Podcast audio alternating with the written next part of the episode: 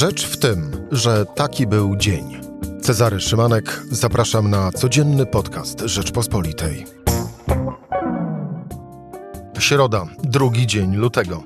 800 milionów złotych w skali roku, stawka od 3 do 15%. Podatek reklamowy to nowy pomysł rządu PiS. Powiedzieć, że pomysł chybiony, to nic nie powiedzieć. Więcej powie Bogusław Hrabota, prezes Izby Wydawców Pras. Ale też trudno oprzeć się wrażeniu, że pomysł nie jest nowy i choć autorzy, Ministerstwo Finansów, powołują się na rozwiązania stosowane w Europie, to fascynacja podejściem Viktora Orbana do rynku medialnego razi po oczach.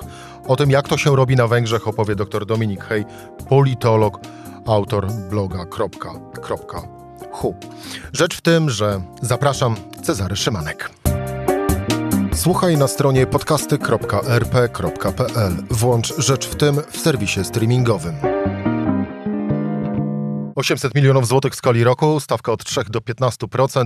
Podatek reklamowy to nowy pomysł e, rządu PiS. Ma obowiązywać od lipca do 16 lutego. Można zgłaszać uwagi. No więc pierwsze, w wykonaniu Bogusława Chroboty, prezesa Izby Wydawców e, Prasy. Dzień dobry. Dzień dobry. I redaktora naczelnego e, Rzeczpospolitej. E, jak zobaczyłeś ów projekt, a właściwie założenia do ustawy, to pierwsza myśl? No, że będzie ciężko. A druga? Zacząłem się zastanawiać, czy nas to też dotyczy i kogo dotyczy tak naprawdę. Dodajmy, że jest to projekt ustawy, nie gotowa jeszcze ustawa i że przez najbliższe tygodnie będziemy uczestniczyć w tak zwanych konsultacjach tej ustawy. Co z niej zostanie, zobaczymy. W tych założeniach, bo to też należy przypomnieć, w tych założeniach jest zapisane, nowy podatek będzie naliczany dla nadawców telewizyjnych, radiowych, operatorów kin i nośników reklamy z zewnętrznej, jeśli w roku kalendarzowym przekroczą milion złotych wpływów reklamowych. Dla wydawców prasowych ten próg wyznaczono na 15 milionów złotych, a od wpływów z reklam w telewizji, radiu, kinach i na outdoorze powyżej 1 miliona złotych będą obowiązywać 7,5% y, od wpływów do 50 milionów oraz 10% od wpływów powyżej 50 milionów złotych. W prasie będą obowiązywały niższe stawki podatku reklamowego, 2% od wpływów do 30 milionów, 6% od wpływów powyżej 30. Od reklam internetowych zapłacą tylko Globalne koncerny w internecie podatek od przychodów reklamowych będzie obowiązywał podmioty, które w zeszłym roku obrotowym na całym świecie zanotowały ponad 750 milionów euro wpływów, a w Polsce powyżej 5 milionów euro przychodów z reklam internetowych. Stawka podatku wyniesie 5%. Jakby nie liczyć, to mm, bez wątpienia największym płatnikiem będą, o ile oczywiście to zostanie wyegzekwowane, mm, megaplatformy czy nie mam żadnych złudzeń, że to jest ustawione głównie przeciwko megaplatformom, przynajmniej w tym swoim zrębie fiskalnym. I, I tutaj jestem sojusznikiem takiego podatku, bo megaplatformy, a mówimy o takich bytach jak Facebook, Google, Amazon czy, czy, czy Apple, e, słynna GAFA, właściwie do tej pory nie płaciły podatków w Polsce, a przynajmniej takich podatków, jakie wynikają z ich obrotu reklamowego. Przypomnijmy, że są to firmy najczęściej, w większości wszystkie amerykańskie, które w Europie korzystają z zasady unikania podwójnego opodatkowania. A zatem, jeśli są opodatkowane na przykład w takiej Irlandii, to nie płacą podatku dochodowego w Polsce. I na tym polega właśnie problem, dlatego że mając takiego płatnika, rząd każdego kraju, E, będzie z nim negocjował specjalne warunki.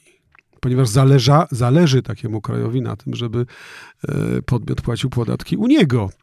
I w wypadku Facebooka jest na przykład Irlandia, prawda? I e, mimo, że Facebook za, zarabia setki milionów reklamy w Polsce, Polska z tego nie widzi złotówki, ponieważ Facebook płaci w Dublinie te podatki. Jeśli by tylko o to chodziło, to jestem jak najbardziej za, podpisuję się obiema rękami, a może nawet nogą jedną na dodatek, żeby e, podkreślić sensowność tej regulacji. Natomiast tutaj chodzi jednak o co innego, bo nie tylko GAFA, nie tylko giganci cyfrowi, ale też wszystkie podmioty, które po pierwsze już są w Polsce płatnikami po przynajmniej dwóch podatków, to znaczy VAT-u i CIT-u, no a po drugie są bardzo mocno pokieryszowane przez pandemię. No właśnie, e, gdyby to rzeczywiście dotyczyło tylko wielkich koncernów, e, czyli owej wspomnianej GAFy, pewnie naszej rozmowy by nie było, bądź też byłaby, ale byśmy chwalili ten projekt. Natomiast w momencie, kiedy ktoś e, dorzuca do tego pomysłu ów podatek również dla mediów działających e, w Polsce, no to rodzi się pytanie o jego celowość e, i taką konstatację, e, patrząc na te za, założenia, że z jednej strony są one obłudne, a z drugiej strony niebezpieczne, bo oto obłudność owego, owych, owego projektu polega, polega na tym, że no, zabiera się mediom e, będącym również w kryzysie pieniądze, które tak naprawdę e, w ciężki sposób e, zarabiają, a niebezpieczeństwo, no to właśnie niebezpieczeństwo polega, polega na tym, że zabierając, nakładając podatek, będzie się zmuszało być może do tego. Nie używał takich słów jak obłudność czy obłuda, dlatego że regulacje dotyczące podatków y, muszą mieć charakter uniwersalny. To nie jest tak, że nagle bierzemy y, i piszemy ustawę, która jest wymierzona tylko w gigantów cyfrowych i to oni mają płacić. Chociaż teoretycznie też można było wprowadzić taki przepis, który odnosi się wyłącznie do y, podmiotów, które mają powiedzmy miliard obrotów w skali kraju i 100 miliardów w świecie, prawda? Teoretycznie tak. Podobny mechanizm jest w tej ustawie. Ale jednak e, ustawodawca pomyślał e, tutaj w sposób uniwersalny, obłożył podatkami wszystkich, poza mniejszymi, uwaga, portalami internetowymi polskimi, które nie spełniają tych kryteriów, jakie spełniają duże e, platformy. No i pytanie, co my z tym zrobimy? No, Jakie jest stanowisko Izby Wydawców Prasy? Izba krytykuje oczywiście, dlatego że cała branża, którą my reprezentujemy, jest to branża wydawnicza, e, jest bardzo ciężko doświadczona przez pandemię. W wypadku niektórych wydawców jest to spadek przychodów o 50%. No, na co się to przekłada? No wiadomo, na, na osłabienie jakości, ponieważ 50% utrata, utrata przychodów to jest zwalnianie ludzi, to jest, e, to jest ograniczanie miejsca ekspozycji, choćby jak w wypadku wielu gazet. E, oprócz tego, że mamy mniejsze nakłady, to jeszcze są to mniejsze objętości, prawda, w sensie liczby kolumn. W związku z tym jesteśmy bardzo, bardzo doświadczeni. I tak mamy niewiele szans w konkurowaniu z GAFą na polu reklamy internetowej. Natomiast prócz tego, że nie jesteśmy e, takimi beneficjentami systemu podatkowego irlandzkiego, czyli musimy płacić VAT i PIT tutaj, e, to powtórę jeszcze, i to też jest ważne, podkreślam, odcięto nam szereg różnych innych możliwości zarobkowania, takich choćby jak organizowanie konferencji, szkoleń i tak dalej. To są rzeczy, które nam odpadły, a które w istotny sposób dopełniały budżet e, medialny. A zatem konkludując, pandemia to jest oczywiście dobry czas na mechanizmy solidarnościowe, ale niech w nich partycypują ci, którzy realnie na pandemii zarabiają. A są takie branże, choćby jak, jak e, po pierwsze e, producenci e, suplementów diety że ludzie przerażeni możliwością zachorowania kupują na potęgę suplementy diety. Ten rynek urósł w Polsce o 10 czy więcej procent. Powtórę, jest y, to branża na przykład handlu internetowego czy, czy logistyki. Są takie branże, które na pandemii zarabiają i to od nich należy domagać się ekstra podatku na solidarność społeczną, czyli na finansowanie wszystkich tych wydatków, do których brakuje pieniędzy, a które są związane z walką e, z COVID-em. Ja jeszcze wrócę na chwilę do owej o, bo jednak ja ją dosyć mocno dostrzegam, szczególnie jeżeli powiążemy to sobie z coroczną dotacją w wysokości 2 miliardów złotych dla telewizji publicznej. To nakładanie takiego podatku na wszystkie media no jest obłudne. To jest trochę przepompowywanie pieniędzy z jednej kieszeni do drugiej, dlatego że mm, prawdą jest, że TVP też będzie partycypowała w tym, też będzie płatnikiem no, tego podatku. Jest duże prawdopodobieństwo, że dostanie rekompensatę jeszcze za podatek. Właśnie, znaczy tego nie wiemy. Natomiast faktem jest, że mm, z tego podatku pieniądze wchodzą do budżetu po to, żeby zostać, być wydawane na TVP. To znaczy TVP znowu ma tutaj w porównaniu z innymi graczami rynku absolutnie uprzywilejowaną sytuację. Prócz uczestnictwa w rynku reklamowym na takich samych zasadach jak my, prócz e, abonamentu, który wciąż ludzie płacą, chociaż w coraz mniejszym wymiarze, jest jeszcze ta dotacja, która w, jakim sposób, w jakiś sposób jest właśnie z tych pieniędzy, które płaci reszta branży. W związku z tym no jest to zapętlenie godne miecza Damoklesa, który powinien to pewnego dnia brutalnie i na zawsze przeciąć. Tam jest jeszcze jeden wątek w owych założeniach, czyli utworzenie Funduszu Wsparcia Kultury i Dziedzictwa Narodowego w obszarze mediów. Tam ma trafiać 35% z tej sumy podatku zebranego w Polsce. E, I Je, y, przytoczę y, jedno z zadań, jakie ma stać przed owym funduszem, który będzie udzielał dotacji różnorakim podmiotom na robienie tego, czyli na przykład promowanie polskiego dorobku kulturowego, dziedzictwa narodowego i sportu, wspieranie zwiększania udziału polskich treści w obszarze mediów. No to rodzi się pytanie, no a czyż nie, jest, nie są od tego media publiczne, które właśnie dostają na to 2 miliardy złotych? No tak, oczywiście, ale znaczy w wypadku mediów publicznych to jest oczywiste, ale z drugiej strony, czym my się zajmujemy? Czy my nie propagujemy polskiej kultury? Przecież na przykład treść która się ukazuje na łamach gazet takich jak, jak Rzeczpospolita czy Gazeta Wyborcza, jest w 100% polska. Tak?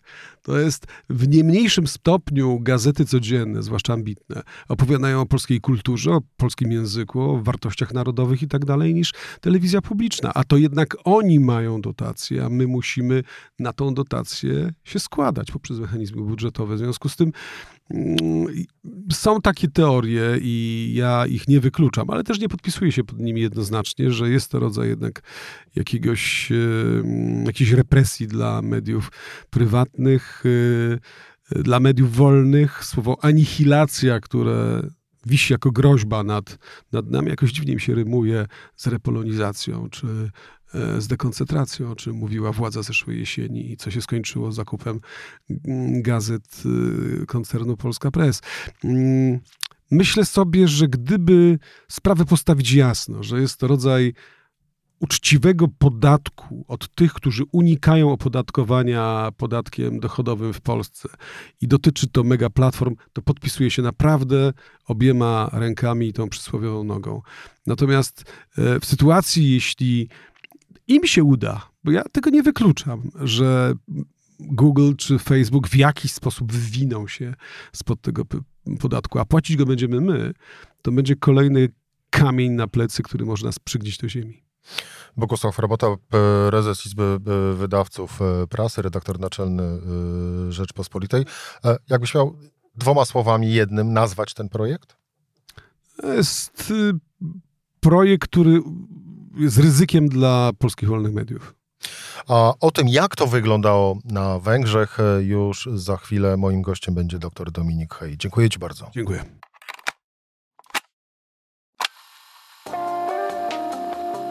Rzecz w tym, że to jest podcast Rzeczpospolitej. Jestem głęboko przekonany, że przyjdzie taki dzień, kiedy będziemy mieli w Warszawie Budapeszt. Tak, 9 października 2011 roku mówił Jarosław Kaczyński po ogłoszeniu sondażowych wyników yy, wyborów. A na Węgrzech od ponad roku rządził już wtedy Viktor Orban. W 2014 roku został tam, czyli na Węgrzech, wprowadzony podatek od przychodów reklamowych, który zapoczątkował proces zmian na rynku medialnym rynku, który jak e, mówi organizacja Reporterzy e, Bez Granic jest na 87 miejscu w światowym rankingu wolności prasy. A analitycy oceniają, że węgierski rząd kontroluje około 80% tamtejszego rynku mediów. Moim gościem dr Dominik e, Hej, politolog, e, autor takiej przestrzeni w internecie .hu. Dzień dobry, panie doktorze. Jeszcze Instytut Europy Środkowej. Żółwie. I oczywiście Instytut Europy... Y Europy Środkowej, e, dr Dominik Hej, czyli e, znawca wszystkiego, co e, węgierskie. Wróćmy do tego 2014 roku, gdy na Węgrzech został wprowadzony podatek reklamowy. Dobrze pan pewnie pamięta tamte czasy, bo e, ten pomysł wywołał również dosyć duże protesty mieszkańców, mieszkańców przede wszystkim Budapesztu, e, ale tak naprawdę zapoczątkował również proces zmian na rynku medialnym na, na, na Węgrzech. Ja, ja pamiętam, e, bo w tamtym właśnie roku Żolt Żebezi, ówczesny zastępca redaktora działu krajowego w takim dzienniku Nepszawa, pisał na łamach Polskiego Obserwatora Finansowego i tutaj cytuję: Nowe obciążenie ma służyć równoważeniu dochodów z wydatkami budżetowymi i sprzyjać zmianom struktury własnościowej rynku medialnego na korzyść rodzimych właścicieli. Orban chciałby, żeby ponad połowa mediów działających na Węgrzech była w rękach węgierskich. Koniec cytatu i mówiła, a właściwie opisywała rzeczywistość tak, jak widzi ją Orban. Udało się, prawda? Udało się. Poruszył Pan e, we wstępie tyle wątków. E, szczególnie ten ostatni mnie, mnie poruszył z Nipsowo, zważywszy na to, że to jest jedyny tytuł, który pozostał z dzienników opozycyjnych. i nie, też nie do końca opozycyjny, dlatego że ma pakt o nieagresji z rządem po to, żeby rząd go nie przejął. E, jeżeli mówimy o podatku od reklam, to ja bym nie zaczynał od 2014 roku, tylko paradoksalnie od 2011, kiedy została uchwalona nowa ustawa o mediach, e, która wprowadza słowetną Narodową e, Radę Mediów na Węgrzech, która zmienia sposób finansowania mediów publicznych, która gwarantuje to, że media publiczne będą utrzymywane zawsze z, przez, przez Skarb Państwa, E, a także umorzenia jakichkolwiek długów e, wówczas. I to jest ten moment, w którym udało się całkowicie przejąć i zmienić sposób też wyłaniania mediów publicznych na Węgrzech w taki sposób, że przewodniczący tego gremium e, jest wybierany na lat 9, czyli na dwie kadencje z okładem, dzięki czemu nawet gdyby Fidesz przegrał wybory, to i tak ma swoje media publiczne. Natomiast przechodząc do tego 2014 roku i podatku od reklam, E, warto jest pamiętać, jakby zacząć od tego punktu, że ten podatek od reklam był e, w takim zamierzeniu wprowadzany między innymi po to, żeby mm, Węgry dźwignęły się z kryzysu e, gospodarczego, który, który miał tam miejsce w latach 2008-2009. No i to była większość podatków, tam między innymi od banków, od, czyli od transakcji finansowych, inne od sieci energetycznych, które miały E, spłacić głównie zadłużenia wobec zagranicznego e, wierzycieli, no tutaj między innymi Międzynarodowego Funduszu Walutowego. Ale zaiste reklamodu, bo tak to się nazywało po węgiersku, nieprzypadkowo zaczął się nazywać podatkiem RTL-u, e, dlatego że Viktor Orban, może nie konkretnie on, natomiast opcja polityczna, którą reprezentował, postanowiła rozprawić się z głosem niesprzyjającym władzy, czyli E, głównie z, z mediami opozycyjnymi, w tym właśnie z telewizją RTL, która jako największy e, operator telewizyjny, niezależny, który miał najwięcej reklam, płaciłby najwięcej. E, I tu warto dodać, e, RTL Klub e, natychmiast po tym, jak owa ustawa została przyjęta przez parlament, ogłosił, że nie zamierza się wcale poddać, podejmuje rękawice, nie wycofa się z Węgier i mało tego Proszę mnie poprawić oczywiście, e, jeżeli mnie pamięć e, nie myli, ale z dosyć apolitycznego e, swojego sztandarowego dziennika emitowanego na antenie, no, zmienił w dziennik i w wiadomości, które pod lupę bardzo mocno wzięły interesy wokół Wiktora Orbana. To jest właśnie też bardzo ciekawe stwierdzenie, dlatego że RTL właśnie mam głównie poczucie, że zmienił front, to znaczy przestał zajmować się polityką, co zresztą zarzucała mu opozycja E, i podatek RTL-u z progresywnego został zmieniony na liniowy. Teraz są te dwie stawki 0,53 czy 5,1 e, procent od dochodu, natomiast swego czasu e, to miało być 0,1%, dlatego że ten atak wprost na RTL był krytykowany, nazwijmy to międzynarodowo, ale to jest też nieprzypadkowy moment, rok 2014. Po pierwsze, to jest druga kadencja Fidesz, pierwsza według nowej ordynacji wyborczej, czyli przy tej, w której przy mniejszej liczbie realnie oddanych głosów Fidesz wciąż utrzymał większość konstytucyjną. I to jest też moment, w którym Viktor Orban bardzo jest już skłócony z Lajoszem Szymiczką, który on dziś e, oligarcha, magnat medialny, który e, kiedyś te media Fidesowi zbudował. E, no i apeluje o to do, jak to było ładnie powiedziane, patriotycznie i prawo myślących e, przedsiębiorców, żeby pozwolili sfinansować gazetę codzienną, która informowałaby o działaniach rządu. I tak powstaje gazeta Modiorid, której szefem zostaje człowiek, Gabor który wcześniej wygrywa przetarg E, na sklepy tytoniowe, czyli jedyne miejsce, ci z Państwa, którzy byli na Węgrzech i próbowali e, nabyć e, tytoń, to jest jedyne miejsce, gdzie można oficjalnie go kupić. W związku z tym to też były nie, nieprzypadkowe osoby i taka sytuacja dynamiczna na rynku mediów, który, tak jak zechciał Pan przytoczyć z obserwatora finansowego, jego celem było wyrażanie woli tak, Wiktora Orbana, tudzież jego przekazu. No właśnie, i lądujemy w roku 2021 i e, stan rzeczy wygląda w sposób e, następujący, że właściwie e, inaczej zapytam, to ile zostało opozycyjnych tytułów, a właściwie to też jest złe określenie, tytułów, które po prostu opisują rzeczywistość taka, jaka jest, a nie taką, jaką chce widzieć Viktor Orban. To jest trudne pytanie, dlatego że jeżeli ja podam te tytuły, to znajdą się osoby, które twierdzą, że to są tytuły właśnie e, To sama liczba. Dyskurs w Polsce, tak? To znaczy taki, który, który, który jest niesprzyjający, wrogi, niepatriotyczny i tak dalej. Ta liczba bardzo spadła. Ja tylko, żeby pokazać. W 2016 roku z dnia na dzień zamyka się gazeta Nyp Sobotrzak. Gazeta, która co prawda oczywiście powstała w latach komunistycznych, w 1956 roku na fali węgierskiego powstania, natomiast miała istotny głos w debacie publicznej. Została z dnia na dzień zamknięta. Dlaczego? Dlatego, że uznano, że jest ona ekonomicznie nieopłacalna, przy czym warto jest tu wskazać, że o ile w Polsce wszystkie tytuły raportują e, e, liczbę wyprodukowanych egzemplarzy, liczbę sprzedanych egzemplarzy e, do badań prasy, tutaj pan byłby pewnie uprzejmy przytoczyć pełną nazwę, która teraz mi wyleciała, to na Węgrzech media, które są sprzyjające Wiktorowi Orbanowi, nie raportują takich danych. Co więcej, w, w, w zakulisowych rozmowach dziennikarze, z którymi rozmawiają, twierdzą, że nawet 80% nakładu może być skupowane przez państwo, szeroko rozumiane, spółki Skarbu Państwa i tak dalej, czyli e, one dobrze funkcjonują także dlatego, że, mm, że rząd węgierski jest największym e, donatorem rynku reklamowego i to absolutnie największym. To nie największe firmy komercyjne decydują o tym, czy, czy jakiś podmiot istnieje, czy nie, w zależności od tego, jaką ofertę reklamową zaproponuje, tylko rząd. Kto nie ma reklam rządowych, ten w zasadzie nie ma szans funkcjonowania. I to nie jest skala, o której mówimy w, u nas, w Polsce, tylko jest to skala niewspółmiernie wyższa i taka, która kontroluje y, całość. I potem w 2018 roku, po wyborach, Lajos Simiczka ostatecznie skonfliktowany z premierem wycofuje się z rynku mediów, uznając, że nie da się go przejąć, że nie da się tworzyć mediów opozycyjnych e, i w ten oto sposób jego jakby konsorcjum też się staje prorządowe.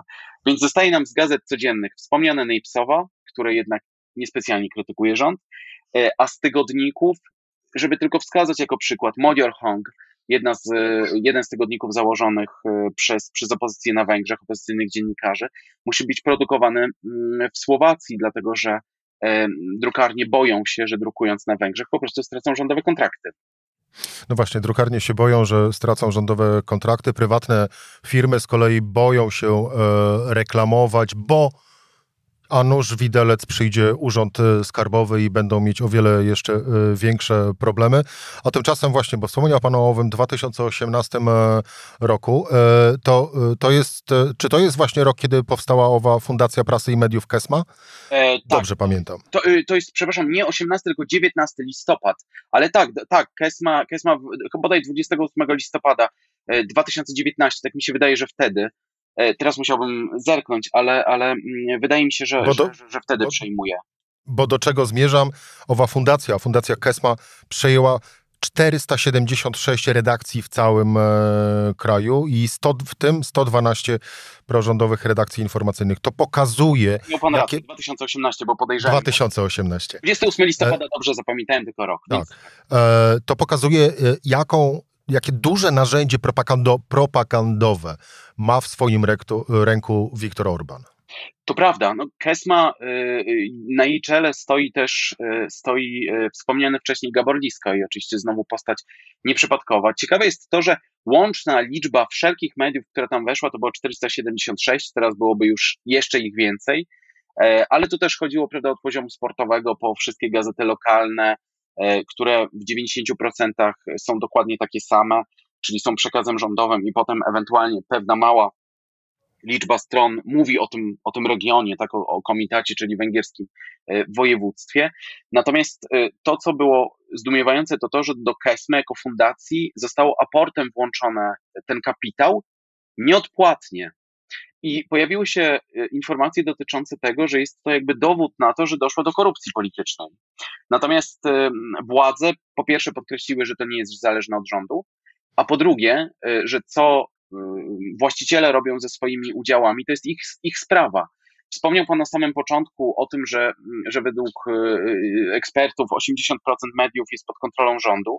E, ja przytoczę panu e, paradoksalnie badania e, sondażowni, które są sprzyjające władzy, które udowodnią panu, że 80% mediów jest niezależna od rządu, jest opozycyjna. Dlaczego?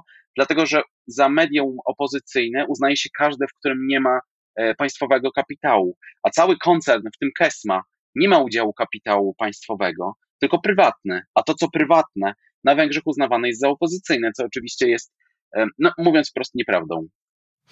No i tak właśnie działało we węgierskie perpetuum e, mobile, do którego nawiązywał w 2011 e, roku Jarosław e, Kaczyński. Prześledziliśmy, jak to wyglądało, wygląda na Węgrzech, ale również w wielkim skrócie, bo to można byłoby rozmawiać godzinami, ten proces na przestrzeni lat, jak doszło do tego momentu, w którym węgierski rynek medialny jest dziś. Na koniec rodzi się podstawowe pytanie, panie Dominiku. Jak to było możliwe? To znaczy, y, dlaczego? To standardowa strategia salami, czyli odcinania malutkiego kawałeczka po malutkim e, kawałeczku przyniosła skutek, czy też, e, no właśnie, ludzie, właściwie było im to obojętne, jakie będą to media i co będą mówić i robić? Kilka czynników. Myślę, że najpierw technika salami, czyli sprawdzania, na ile można sobie pozwolić też w ramach relacji w Komisji Europejskiej. Zamknięcie Niepce-Botrzak wzburzyło opinię publiczną, ale znowu, głównie w Budapeszcie z racji tego, o czym miałem już kiedyś przyjemność mówić w audycji, czyli różnic socjodemograficznych, które bardzo różnią e, Polskę i Węgry na przykład. Dalej tego, że przyjmowanie tego kapitału tak naprawdę dużego udziału koncernów zagranicznych tam nie było. E, tutaj bardziej przejmowano, tak jak ostatnio, indeks, e, czyli w lecie, gdzie po prostu wycięto sekcję polityczną, e, która najbardziej przeszkadzała. Sam portal istnieje jako, jako, jako największy wciąż na Węgrzech. Poprzez sugerowanie pewnych problemów, które mogą nastąpić na, na gruncie podatkowym, ale też zaczęło się trochę podobnie jak w Polsce, jak teraz sobie pomyślę, bo przejęcie Origo Origo zostało sprzedane przez T-Mobile, właściwie przez Deutsche Telekom.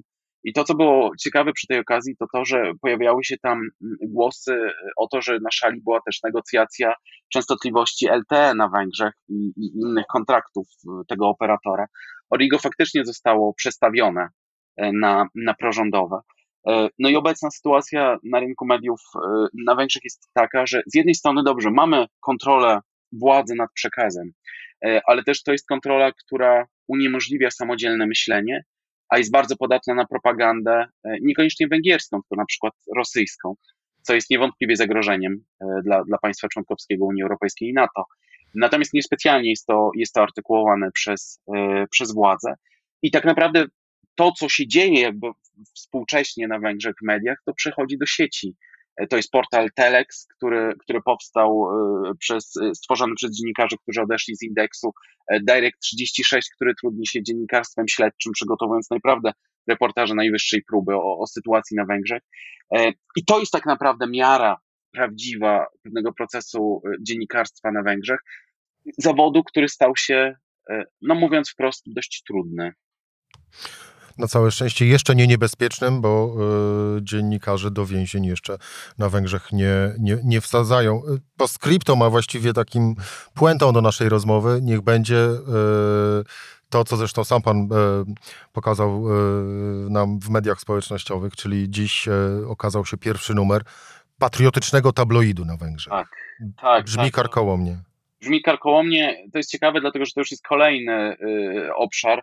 Y, widać też bardzo dużą gradację w takiej komunikacji, gdzie mamy w mainstreamie gazety codziennej Modern MZ i jego odpowiednik też codzienny, powiedzmy dla mniej wysublimowanego odbiorcy, także kosztujący dużo mniej, Modior Hirlo. No i właśnie mamy tą prasę bulwarową, nawet jedna z nich nazywa się Bulwar, y, która, która ma informować no, raczej mniej doświadczonego odbiorcę E, na rzeczywistość. Pierwszy numer nieprzypadkowo mówi o tym, e, kim jest Soros, ale nie Dürć, tylko młodszy, a także, że ma konotację z, z, z wiceprezydent Stanów Zjednoczonych, więc narracja, nawet bez zaglądania do środka, już sama się przygotowuje. I akurat to wydarzenie pozostawmy bez komentarza. Bardzo dziękuję za rozmowę. Dominik e, Hej, doktor Dominik Hej, politolog, autor przestrzeni. .hu. Dziękuję. Serdecznie dziękuję panie doktorze. To była rzecz w tym e, w środę. Cezary Szymanek do usłyszenia jutro o tej samej porze.